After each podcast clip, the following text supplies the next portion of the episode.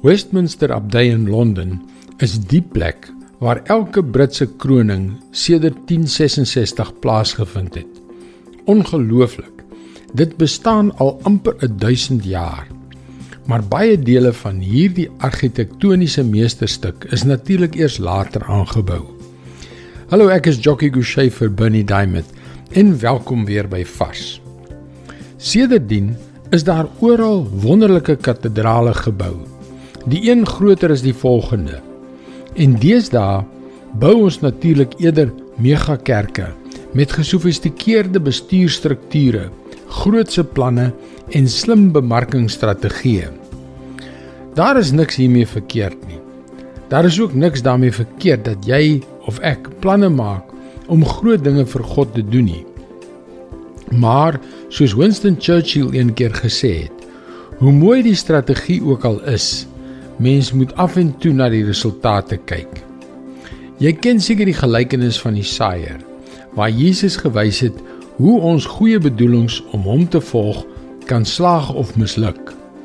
Dieselfde woord van God kan op harde grond val en nooit wortel skiet nie. Dit kan ook in vlak grond val, ontkiem en dan in die hitte van die dag vergaan. Dit kan ook deur onkruid en dorings, die sorges van hierdie lewe, verswelg word. En dan verduidelik Jesus die gelykenis in Matteus 13 vers 23. Die man by wie daar op goeie grond gesaai is, is hy wat die woord hoor en dit verstaan. Hy dra inderdaad vrug en lewer 'n oes, soms 100voudig, soms 60voudig, soms 30voudig. Met ander woorde, wanneer God se woord in ons harte wortel skiet, is dit veronderstel om vrugte te dra. Ons is veronderstel om 'n verskil in hierdie wêreld te maak. Dit is wonderlik om groot planne te hê, maar om Jesus te volg gaan nie daaroor om 'n wonderlike strategie te hê nie, maar om resultate te lewer, 'n goeie oes op te lewer. Dit is God se woord, vars vir jou vandag.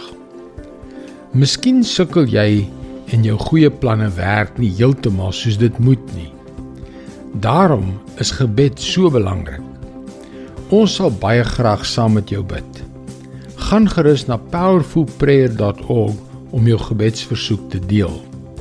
Mooi loop en luister weer maandag na jou gunsteling stasie.